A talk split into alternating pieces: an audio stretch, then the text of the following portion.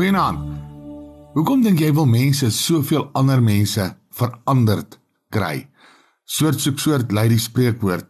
Tog is daar altyd mense wat iets anders verwag en vereis.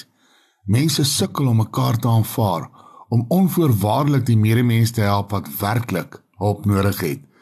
Dit word amper soos mense wat hulle self as engele ag teen die sondaars in die lewe, net omdat ons nie die andersheid kan aanvaar nie.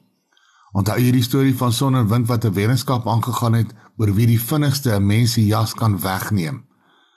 Son het agter 'n wolk gaan wegkruip en wind het begin blaas in stormwind.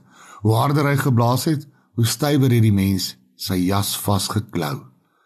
Nadat was dit son se beurt. Glimlaggend het hy met warmte die mens saggies en liefdevol aangeraak met sy sonstrale. Na so ruk het die mens sy jas uitgetrek son het gewen. Dis nie met brute krag wat jy mense laat verander nie. Hoekom is dit in elk geval nodig om jou sin te kry en mense te verander?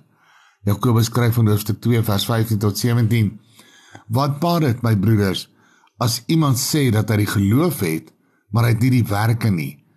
Geloof kan hom tog nie red nie. As hy nou 'n broeder of suster naak is en aan die daglikse voedsel gebrek het, en een uit julle sou vir hulle sê gaan in vrede word warm word versadig maar julle gee hulle nie wat hulle liggaam nodig het nie. Wat bade dan? Net so ook is die geloof as dit geen werke het nie in sigself dood. Mag jy vanaand besef die Here wil vir jou gebruik met 'n glimlag teenoor ander om hulle met 'n warm liefde aan te raak. So bewys jy jou werke van geloof Jy kan iemand help met jou uitreik. Die Here het jou aangeraak.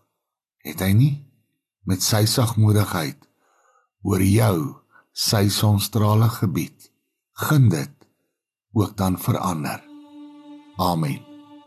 Nag sê Here.